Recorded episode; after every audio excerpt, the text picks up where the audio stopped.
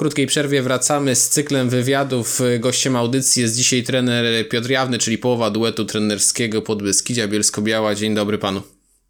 Dzień dobry, witam serdecznie.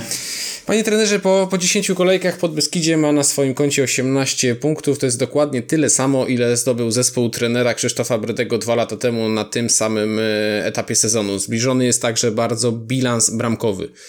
Czy to oznacza, że zespół powalczy w tym sezonie o awans?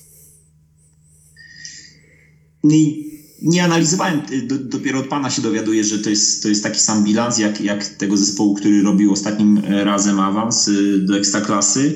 I y, do, pytanie, pytanie z grubej rury od razu na samym początku, ale myśmy się, zresztą pewnie wszyscy, którzy wspominają gdzieś poprzednie nasze wypowiedzi, nasze mówię, bo zawsze mówię też za mnie i za Marcina, y, troszeczkę można powiedzieć asekurowali i y, no też z tego względu, że w jaki sposób ten zespół powstawał, jakie były zmiany duże, jak dużo było niepewności w tym, jak to będzie wszystko wyglądało. Na szczęście gdzieś tam udało nam się y, na tym etapie, na którym jesteśmy, y, wiele, wiele rzeczy poukładać. Ten, ten, ten, ten zespół gdzieś tam zaczyna grać y, już w pewnym, pewnym, pewnym, pewnych o, o sferach czy pewnych, pewnych miejscach, tak jak chcemy, żeby grał i też wynik jest, zbieramy punkty, wynik jest coraz lepszy. I wiadomo, nie chcemy jakichś deklaracji składać, natomiast no, każdy, ja sobie nie wyobrażam, żeby sportowiec, y, trener, y, który przystępuje do jakichkolwiek rozgrywek, jakikolwiek rozgrywek, na jakikolwiek y, poziomie nie chciał po prostu tych rozgrywek wygrać. Czy, czy każdego kolejnego meczu nie chciał wygrać. My się koncentrujemy na, na, na kolejnym spotkaniu i myślę, że to jest najbardziej, najzdrowsza sytuacja. I jeżeli będziemy się koncentrować na każdym spotkaniu, na każdym spotkaniu będziemy chcieli wygrać, no to w końcowym efekcie to przyniesie prawdopodobnie albo może przynieść jakieś dobre, dobre rezultaty, dobre efekty na koniec. I, i tak do tego przy, y, podchodzimy. To inaczej, to z Pana punktu widzenia właśnie tym dobrym rezultatem, w kontekście oczywiście tego, jak powstawał ten zespół, jaki był to żmudny też cykl, okres piłkarze na różnym etapie dołączali do drużyny, to, to myślę, że wszyscy pamiętamy. Pamiętamy też ten, można powiedzieć, falstart, remis z Górnikiem Polkowice, później bolesną, trzybramkową porażkę z Odrą Opole, gdzie ten wynik no nie do końca odzwierciedlał to, co działo się na Murawie, ale mając to w głowie i mówiąc o tym dobrym wyniku, to co by pan uznał za dobry wynik? No, miejsce barażowe to będzie coś, o co w tym sezonie powinniście powalczyć. Macie na to potencjał? Jeśli, jeśli nie deklaracja i pytanie mhm. o to, czy jest możliwy awans, to może w ten sposób. Jaki jest potencjał tej, tej drużyny? No, mamy już za sobą 10 kolejek i myślę, że coś możemy w tym zakresie już powiedzieć.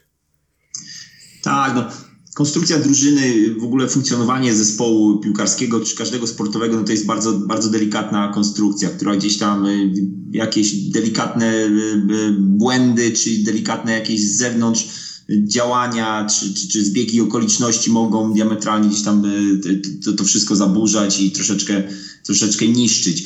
No i ja chciałbym kibicom, no bo to jest skierowane do kibiców przede wszystkim i to, to, to o czym teraz mówimy i rozmawiamy, no i chciałbym zapewnić kibiców, że my jesteśmy bardzo ambitnymi ludźmi, i trenerzy, i zawodnicy, i my naprawdę będziemy w każdym meczu, e, każdym meczu dążyć do tego, żeby obojętnie z kim będziemy grali, będziemy dążyć do tego, żeby mecz wygrać. To, to, to mogę zapewnić kibicom. I, I graliśmy mecz z Koroną, z liderem i naprawdę my do tego meczu podchodziliśmy tak, że chcemy wygrać, że chcemy dominować, chcemy być lepszym zespołem i chcemy to spotkanie wygrać. Tam popełniliśmy kardynalne błędy, gdzieś przy, praktycznie sami sobie te bramki, e, przynajmniej dwie z tych trzech strzelaliśmy, no ale, ale, ale tak naprawdę jedziemy na LKS do Łodzi też na, na, do, do, do bardzo dobrego zespołu i też z nastawieniem takim, że chcemy to spotkanie wygrać, więc to mogę zapewnić kibicom, że my gramy w każdym meczu o zwycięstwo. I, i, i chcemy być jak najwyżej w tabeli.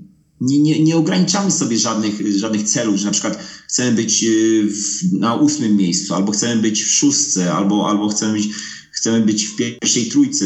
Po prostu ambitnie do, y, podchodzimy do każdego spotkania i każde spotkanie chcemy wygrać. Co z tego wyniknie na koniec, ile, ile z tego będzie punktów, to też zależy trochę od przeciwników. Też zależy od tego, od przeciwników, od tego, jak się to wszystko ułoży, ale, ale tak mówię, no, my chcemy grać w każdym spotkaniu o, o trzy punkty, o zwycięstwo, o też, o też dobrą grę oprócz tego. Mhm.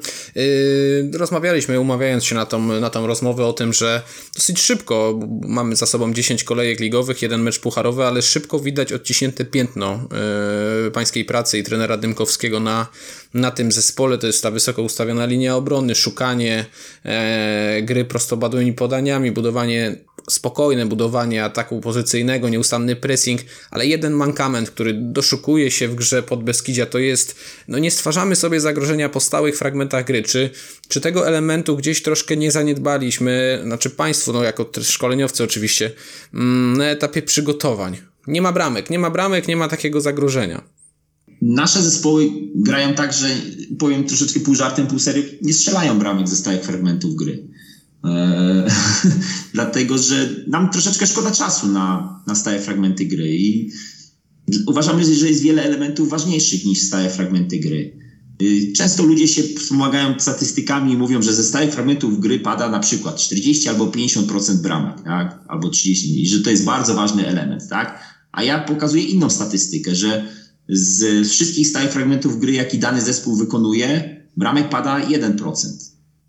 E, albo dwa, albo maksymalnie trzy. Także to, to, po prostu jest bardzo dużo stałych fragmentów gry, no i czasami ta bramka jakaś padnie. No my chcemy troszeczkę w inny sposób bramki strzelać niż ze, ze stałych fragmentów gry i to jest w dużej mierze, nasz, moim zdaniem jest to przypadek. Strzelenie bramki ze stałego fragmentu gry to jest w dużej mierze przypadek i po prostu albo trzeba poświęcić na to bardzo dużo czasu, no naprawdę bardzo dużo czasu na treningach, dosłownie dzień w dzień po pół godziny albo i więcej, na co nam po prostu szkoda czasu, bo uważam, że jest zdecydowanie więcej innych elementów, które są od tego ważniejsze, co nie oznacza, że my stałych fragmentów ataku nie ćwiczymy. Zresztą, jeżeli się przejrzy te spotkania, które były, to tam było kilka, w każdym meczu jakieś jest zagrożenie. Myślę, że Julio miał kilka razy bardzo dobre okazje, żeby z głowy uderzyć. Tam kilka też razy piłka na przedpole trafiała, do, czy do Kamila Bilińskiego, czy, czy do, do, do, do, do Maćka Haberka i na, na uderzenie i kilka razy gdzieś tam e, była taka sytuacja w jednym meczu, gdzie właśnie e, Maciek Haberek zamykał e, po dośrodkowaniu z rzutu rożnego, miał bardzo dobrą sytuację, troszeczkę brakowało precyzji i skuteczności, bo mamy kilka opracowanych fragment, fragmentów przy stałych fragmentach gry i, i, i one były bliskie realizacji. No niestety w ostatniej chwili gdzieś tam zawodziła jakaś precyzja, ale, ale prawdą jest, że my w odróżnieniu od innych zespołów nie poświęcamy tak dużo czasu, tak dużo czasu stałym fragmentom y, gry, y, bo uważamy, że po prostu szkoda nam czasu i są inne ważniejsze elementy, jak budowanie gry, jak atak pozycyjny, jak, jak obrona, jak pressing, na, na, na, na te rzeczy przede wszystkim uwagę, uwagę zwracamy większą. Po prostu powiem tak kibicom, ja uważam, że to jest bardzo a my staramy się iść w, środ- w kierunku bardziej ambitnych wyzwań, że stworzyć sobie akcję, sytuację po, po jakiejś składnej akcji albo po, po fajnym pressingu, po odbiorze i kontrze, szybkim ataku, niż ćwiczyć dzień w dzień te stałe fragmenty gry i gdzieś tam liczyć na to, że, że strzeli się bramkę, strzeli się bramkę po, po, w takich sytuacjach. Tak, tak, tak do tego podchodzimy. Mhm. Y, pytanie o Matię Skaleta, bo to jest y, piłkarz, który w ostatnich kolejkach no, raz się pojawiał, raz znikał w tej kadrze meczowej. Wiemy, że to było związane z pewnymi problemami zdrowotnymi. Mówił Pan troszkę szerzej o tym na konferencji teraz po spotkaniu z Resowią.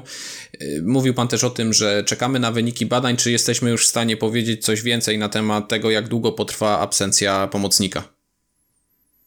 Tak, Matthew, Matthew odniósł kontuzję przed samym meczem e, z, z Resowią i y, gdzieś tam uciekła mu stopa, spuch, y, opuchlizna wystąpiła w okolicach stawu skokowego. Zdjęcie rentgenowskie wykazało jakiś, jakiś, jakiś delikatny gdzieś tam naruszenie y, kości, czy, czy jakiś odprysk, nie używam jakichś fachowych określeń, ale prawdopodobnie z, z tych diagnozy kolejnej, z, rezonansu wykonanego wynika, że, to, że ten odprysk to jest jakaś już stara, stara narośl, stara, stara, stara kontuzja i, i y, to nie jest nic nowego, więc tak naprawdę chodziło o to tylko, że delikatnie gdzieś tam został podkręcony staw skokowy. Do końca tygodnia jeszcze z nami nie trenuje e, indywidualnie i od przyszłego tygodnia ma wejść w trening założy, będzie miał mocny tape i zobaczymy. No, pytałem się dzisiaj, jak się czuje. E, podczas chodzenia nic nie czuje kompletnie. Wiadomo, że nie chcę robić jakichś na razie jeszcze większych obciążeń, ale zobaczymy. Na razie optymistycznie patrzymy, że być może nie jest to nic, nic poważnego, delikatne tylko podkręcenie stawu skokowego i mamy nadzieję, że będzie wszystko ok od przyszłego tygodnia. Jakaś niewielka szansa na występ, nie w tym najbliższym spotkaniu, ale ze Stomilem Olsztyn jest? Yy, ze Stomilem Olsztyn został mecz przełożony. Yy, Stomil Olsztyn wnioskował, bo tam ma reprezentanta jednego w młodszych kategoriach, bramkarza, więc ten mecz jest, yy, ten mecz jest przełożony, więc będzie, będzie dwutygodniowa przerwa. No i to, to też jest fajnie na korzyść działa, że, że, że mm, fajnie będzie mógł Met dojść do siebie, do kolejnego spotkania. Zagramy sparring z Rakowem Częstochowa w sobotę w Częstochowie. Prawdopodobnie chyba jest godzina 10, 10.30 przewidziany mecz eee, Tak jak tego samego dnia, którego był przewidziany mecz ze Stomilem w sobotę, to chyba jest 9 październik, tak? 10. Tak, tak, tak. No dobra, to jeszcze ewentualnie datę potwierdzimy w klubie i poinformujemy o tym naszych kibiców. Zakładam, że nie będzie to sparring w jakiś sposób zamknięty dla kibiców czy dla mediów. Nie, nie ma takich planów. Z tej strony na pewno nie.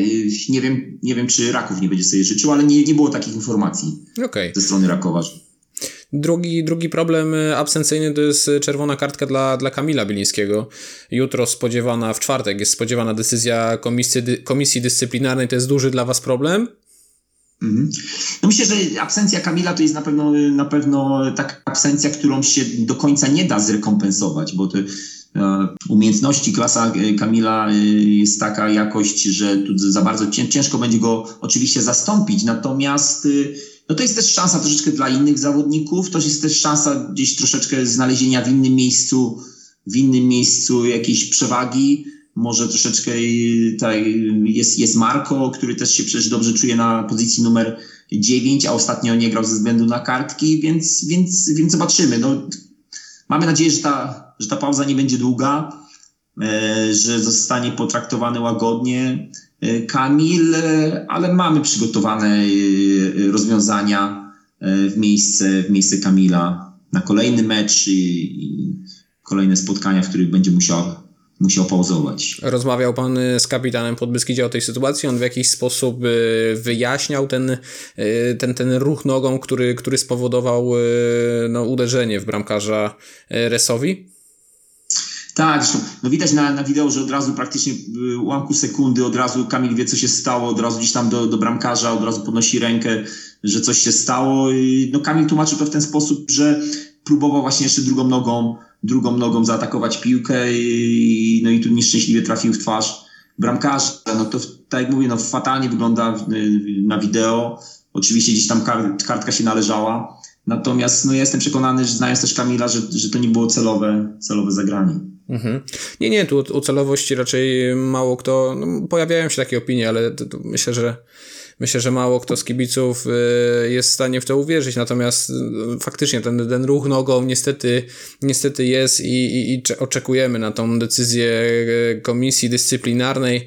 Kolejna kwestia, która pojawia się też wśród pytań od, od naszych kibiców, to jest to, jakie pozycje chciałby Pan wzmocnić zimą, no bo jeśli mówimy o tych transferach, które mają się pojawić w zimowym okienku, no to tak naprawdę dział scoutingu już w tym temacie e, powinien e, działać. Czy są już takie kwestie, które, pozycje, mm, o które, e, które Pan zgłasza mm, dyrektorowi sportowemu?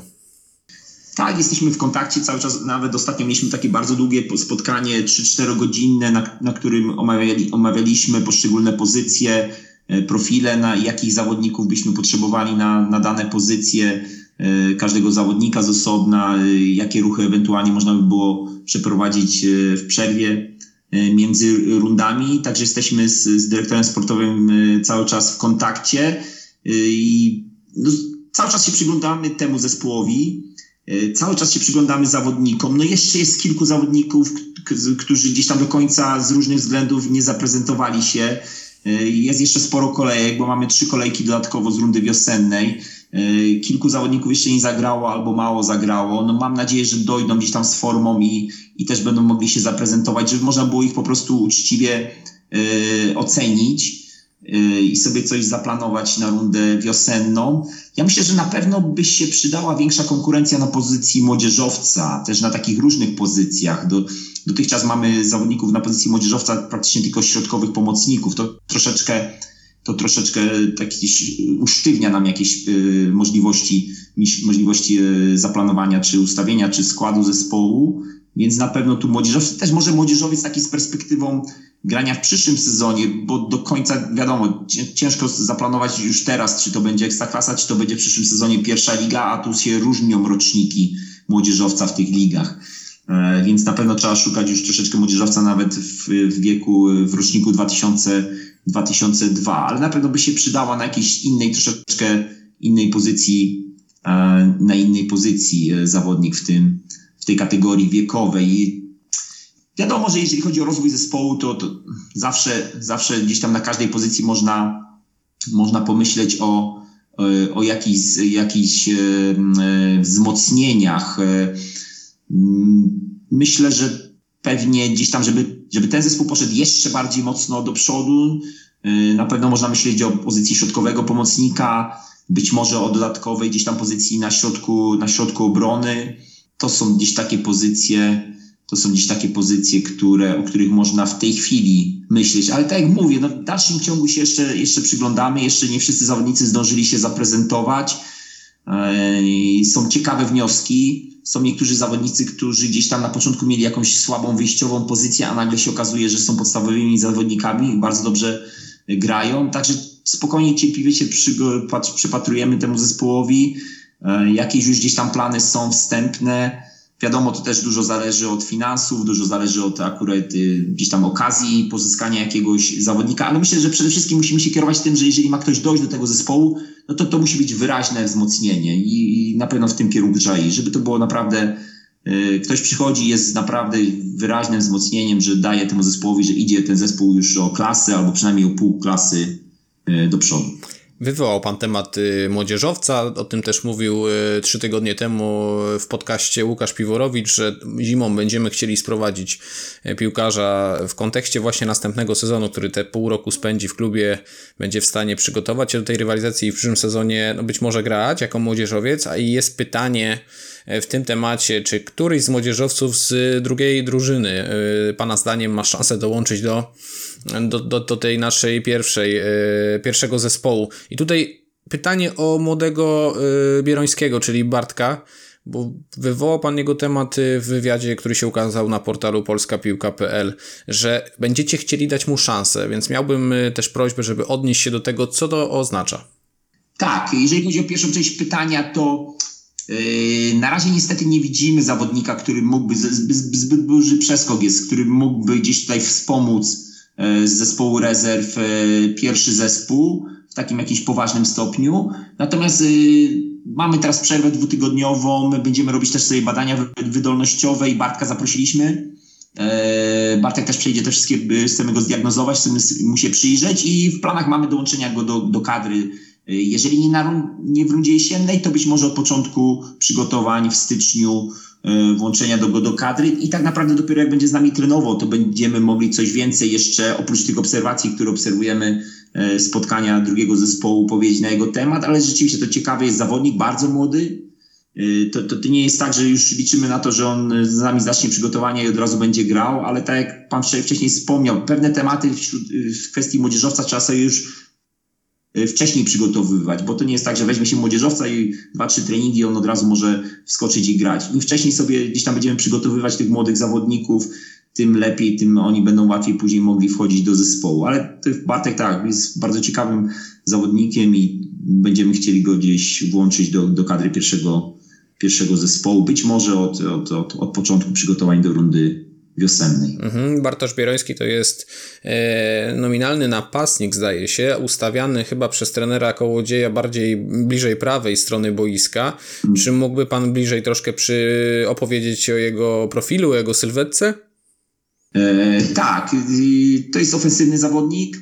Nie boi się driblingów, nie boi się wejścia w pojedynek jeden na jeden E, dobrze sobie radzi w takich sytuacjach. Przy naszym ustawieniu, jakim gramy w ataku 3-4-3, to te pozycje właśnie takie z przodu, tego, tych fałszywych skrzydłowych, tych dziesiątek, to są takie myślę, że idealne dla niego, bo ma takie, nie, nie ma warunków fizycznych dobrych, ale dobrze sobie radzi na, na małym polu, w małej przestrzeni, a właśnie na tych pozycjach często zawodnik dostaje gdzieś tam między liniami podanie, e, musi sobie szybko poradzić, szybko dobrze przyjąć piłkę, szybko rozwiązywać sytuacje, bo za chwilę ma z, z, praktycznie może mieć z każdej strony atak y, obrońców. Właśnie takich zawodników sobie szukamy na te pozycje. W tej chwili tam gra Giorgio, w tej chwili tam gra Goku.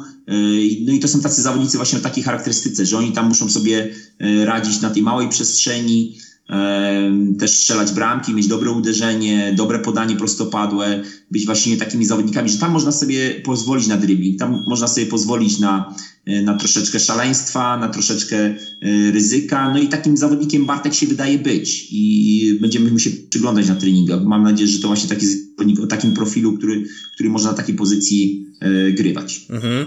Ostatnie pytanie naszego kibica to jest kwestia związana z brakiem obozu przygotowawczego latem i obawa związana z tym, czy będzie zespół odpowiednio kondycyjnie przygotowany na drugą część rundy. Ja myślę, że to też pytanie można troszkę rozszerzyć. No wiemy, że ci y, piłkarze dołączali do nas na różnym etapie przygotowań w różnym okresie czasu, więc tutaj jest pytanie może bardziej do naszego trenera przygotowania motorycznego, do, do, do leciaka, ale myślę, że jest pan w stanie też na pewno nam y, powiedzieć, jak, jak to wygląda właśnie pod kątem y, tego, czy na tą drugą część sezonu wystarczy nam sił.